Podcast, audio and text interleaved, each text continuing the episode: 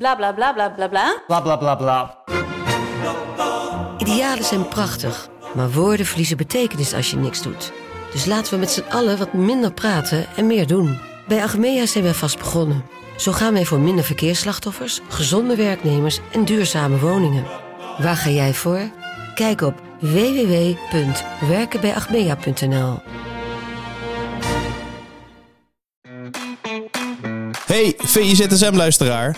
Wil jij genieten van de beste VI Pro-artikelen, video's en podcasts? En wil jij nog meer inzichten krijgen rond al het voetbalnieuws? Word dan nu lid van VI Pro. Voor exclusieve podcasts, tactische analyses, interviews met spelers en financiële inzichten. Ga nu naar vi.nl slash zsmpro voor de scherpste aanbieding.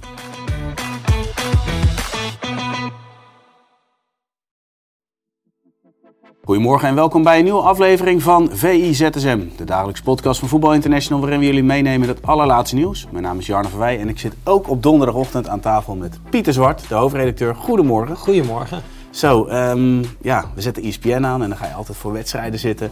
Maar eigenlijk voordat je het weet, is het alweer klaar. Dat klopt. En ik was ergens blij dat ik me er niet zo op had verheugd als, uh, ik kwam nog een tijdje geleden, was het uh, Sparta tegen Vitesse. Ja. Dat was trouwens ook met Fraser. Uh, Ja. Die vertelde daar nog over in een stuk met eh, Chris Tempelman. Maar toen ja, was Letch ook al voor die wedstrijd. Die had allerlei plannen en is er de hele week erop getraind. En dan ging je ervoor zitten dat je denkt, nou, nu gaat het gebeuren. Ja, ja, ja. En dan ja, tikten ze twee minuten rond achterin en dan was het afgelopen. Toen dacht je, oh, dit, dit was het. En dat was nu eigenlijk ook twee keer zo. Dat je er... het- nou ja, AZ echt? was Ja. natuurlijk wel spectaculair. AZ kreeg nog wel wat kansen in Ja. veel kortere tijd. Dus die deed dat eigenlijk heel goed, dat slotoffensief. Ja. Eh, dus daar wel. Alleen dat was natuurlijk ook... Ja, je had het idee, oh, we zitten midden in het slot, slotoffensief. En toen was het ook klaar.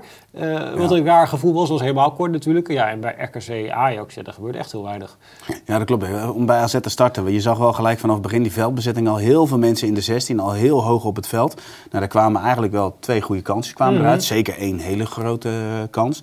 Had er misschien wel ingemoeten. Dus daar zie je in korte tijd dat, dat je dus best wel voor chaos kan zorgen. Pak nou de wedstrijd van, van Ajax. Het, wat me opviel is dat normaal gesproken moet een wedstrijd... Je gaat elkaar een beetje aftasten. Je Mhm. gaat kijken wat de plannen zijn. En nu is de intensiteit eigenlijk vanaf het eerste moment is gelijk heel hoog. En het leek even hoopvol voor RKC. Maar ja, Brobby was eigenlijk wel de man of the match. Plan Brobby uh, Brobby was het, hè? VI-Pro, Ja. eh, staan. Ja, die is voor dit soort wedstrijden, dat, dat is natuurlijk perfect. Ja. Iemand die je kan aanspelen, die een bal vast kan houden... en op die manier ervoor zorgt dat je ja, wegblijft uit eh, die chaos, zeg maar. Want dat is natuurlijk wat RKC dan wil in zo'n wedstrijd. Zorgen dat het eh rommelig wordt, alleen met tweede ballen, afvallende ballen. En ja, is dan iemand die als aanspeelpunt dat soort wedstrijden wel eh, Ja. voor rust kan zorgen. Helemaal, kijk, het gaat natuurlijk met Brobby vaak over... kan die 90 minuten spelen, heeft hij dit seizoen wel een aantal keer gedaan. Maar nu stond hij fris in die laatste paar minuten Ja. van de wedstrijd. En hij was Dus, eh, kapot, hè, zei hij. hij was kapot van die zes minuten. De zwaarste zes minuten die hij ooit had gespeeld in een wedstrijd, zei hij. Ja, het is natuurlijk ook ja, heel raar om dan in zo'n wedstrijd te vallen. Wat je zegt, dat is Ja. meteen de intensiteit. Maar ja, ook dat was eigenlijk eh, voorbij eh, eer je er erg aan had. Eh, ja, je kunt net gaan zitten en dan is het alweer afgelopen. Ja, toch kun je wel bij, bij Fraser... kun je wel zeggen van oké, ze, ze hebben er alles aan gedaan. Ze zijn uiteindelijk een paar keer in de buurt van de 16 geweest. Ehm, dus, dus het plan in die zin, dus, dus heel snel opportunistisch spel spelen, dat, dat is gelukt. Alleen ja, de momenten die je Brobby eigenlijk gewoon van de tijd afhaalt. Dus ik denk dat hij nou ja, een minuut tot twee minuten misschien wel gewonnen heeft voor Ajax. Dat zou, ja, ik, ik weet niet hoeveel. eh, Dat zullen Ja, dat zou- dataman ja. eh, Bart Vrouws eh, moeten vragen. Maar dat hielp wel mee in ieder geval. Oké, dat is een goede vraag voor scorebordjournalistiek voor Ja. deze week. Kunnen we vragen. Oké, nou hebben we dit eh, gehad. In die zin de wedstrijd hebben gehad. Maar nu staat Ajax weer in de buurt. Wat trouwens wel apart is inderdaad, Oh. dat, nou ja, je zit naar die ranglijst te kijken en in mijn hoofd klopt het niet. Dus Feyenoord, die staat tweede in de Eredivisie. De afstand met PSV is 10 punten. De afstand met Ajax is 11 punten. In mijn hoofd, ik heb echt een error. Oh, zo heb ik dat ook nog niet echt bekeken. Ik zag Dat wel de weer dat je, dat je tussen denkt Ajax van- en Feyenoord bijna net zo groot is als de afstand tussen Feyenoord en PSV. Ja, nou ja, zo had ik het weer niet bekeken. Want ik had wel zo eh, gedaan van, nou ja, oké, het zou die top 3 op den duur zou kunnen. Maar in ieder geval top 5, nou ja, weet je, dat, dat, eh, dat zou echt gewoon goed moeten lukken. Maar inderdaad, het verschil met Feyenoord ten opzichte van Ajax en Feyenoord ten opzichte van PSV. Ik dacht dat het gat van Feyenoord naar Ajax ook groter was. Ja, ja, gevoelsmatig in je hoofd is dat echt zo. Dat daar, daar is een gigantische kloof. En Ja. oh ja, PSV heeft wel een gaatje geslagen richting Feyenoord. Maar dat is dus bijna even groot. Ja, maar hoe vaak hebben wij hier, eh, het, is, het is nu eh, december, het is 7 december vandaag, dat een ploeg nog helemaal foutloos is geweest. Ja, nooit. Alleen eh Michel Abink had uitgezocht. Alleen de ploeg is San Marino, die is ook nog foutloos. Dus dat laat wel zien hoe uniek die prestatie van PSV eh, is. Dus dat je foutloos de winterstop eh, in zou gaan. Dan moeten ze natuurlijk nog wel... eh, en vanavond eh Heerenveen en daarna uit tegen AZ. Maar als je dat voor elkaar krijgt, is dat natuurlijk een weergeloze prestatie. Ja, precies. Wij zijn uiteraard eh, bij de wedstrijd van vanavond samen aanwezig. Dus morgen op VI Pro, VI.nl, YouTube, overal is daar genoeg van te vinden natuurlijk. Vanavond ook analyses op VPRO. Nou, Eerst op PSV, daarna van Feyenoord tegen Volendam. Dus eh nou, ze komen niks tekort, hè? Ik wou net zeggen, er is genoeg, er is genoeg.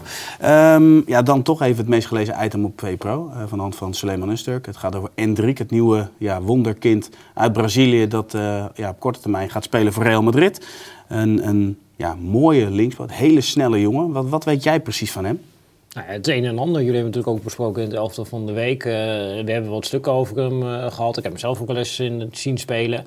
En ja, je bent vooral benieuwd hoe dan die overstap naar Europa verloopt. Omdat als je Braziliaans voetbal ziet, het is wel wat anders Ja. dan eh, Europees voetbal. Dus het is vaak wat ja, chaotischer. Ook heel erg vaak gericht op individuen die dan wat moeten gaan creëren. En Gevoelsmatig ook grote ruimtes. ja, en tegelijkertijd zijn die verdedigers wel kei en keihard. Dus je wordt ook doormidden geschopt eh, als je even niet eh, oplet eh, in Brazilië.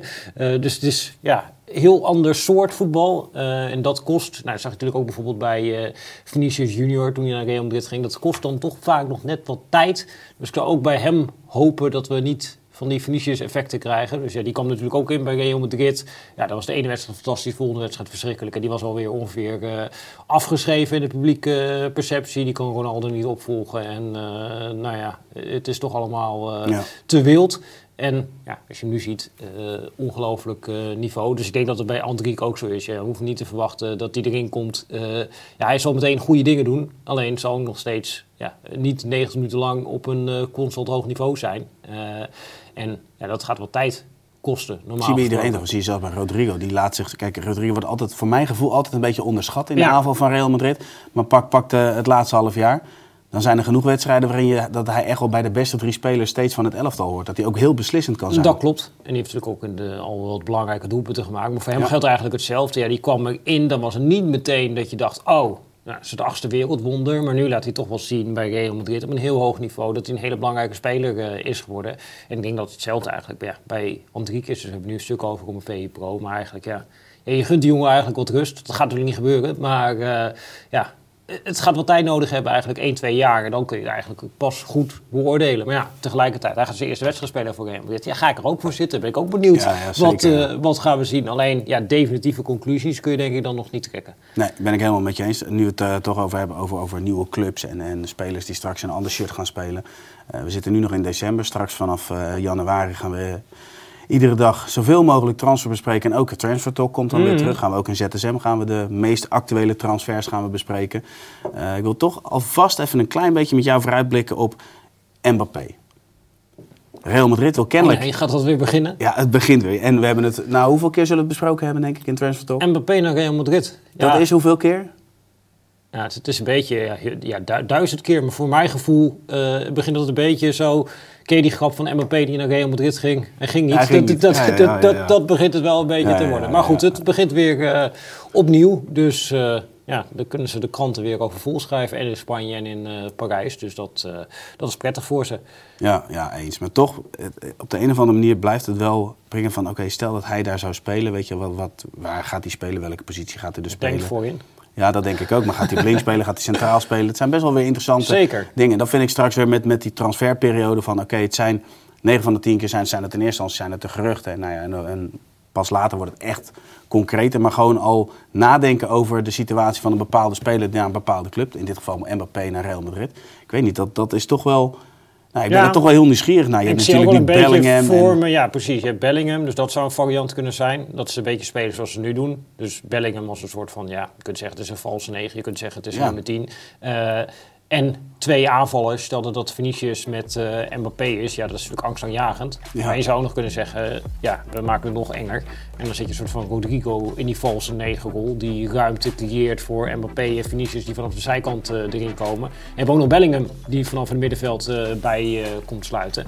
Ja, daar zou ik niet graag tegen spelen. Nee, ik ook niet. Nou Pieter, dankjewel voor jouw bijdrage aan deze ZSM en tot de volgende. Ja jongens, jullie bedankt voor het kijken en voor het luisteren. Morgen zijn we uiteraard weer terug met een nieuwe VIZSM. Tot ziens!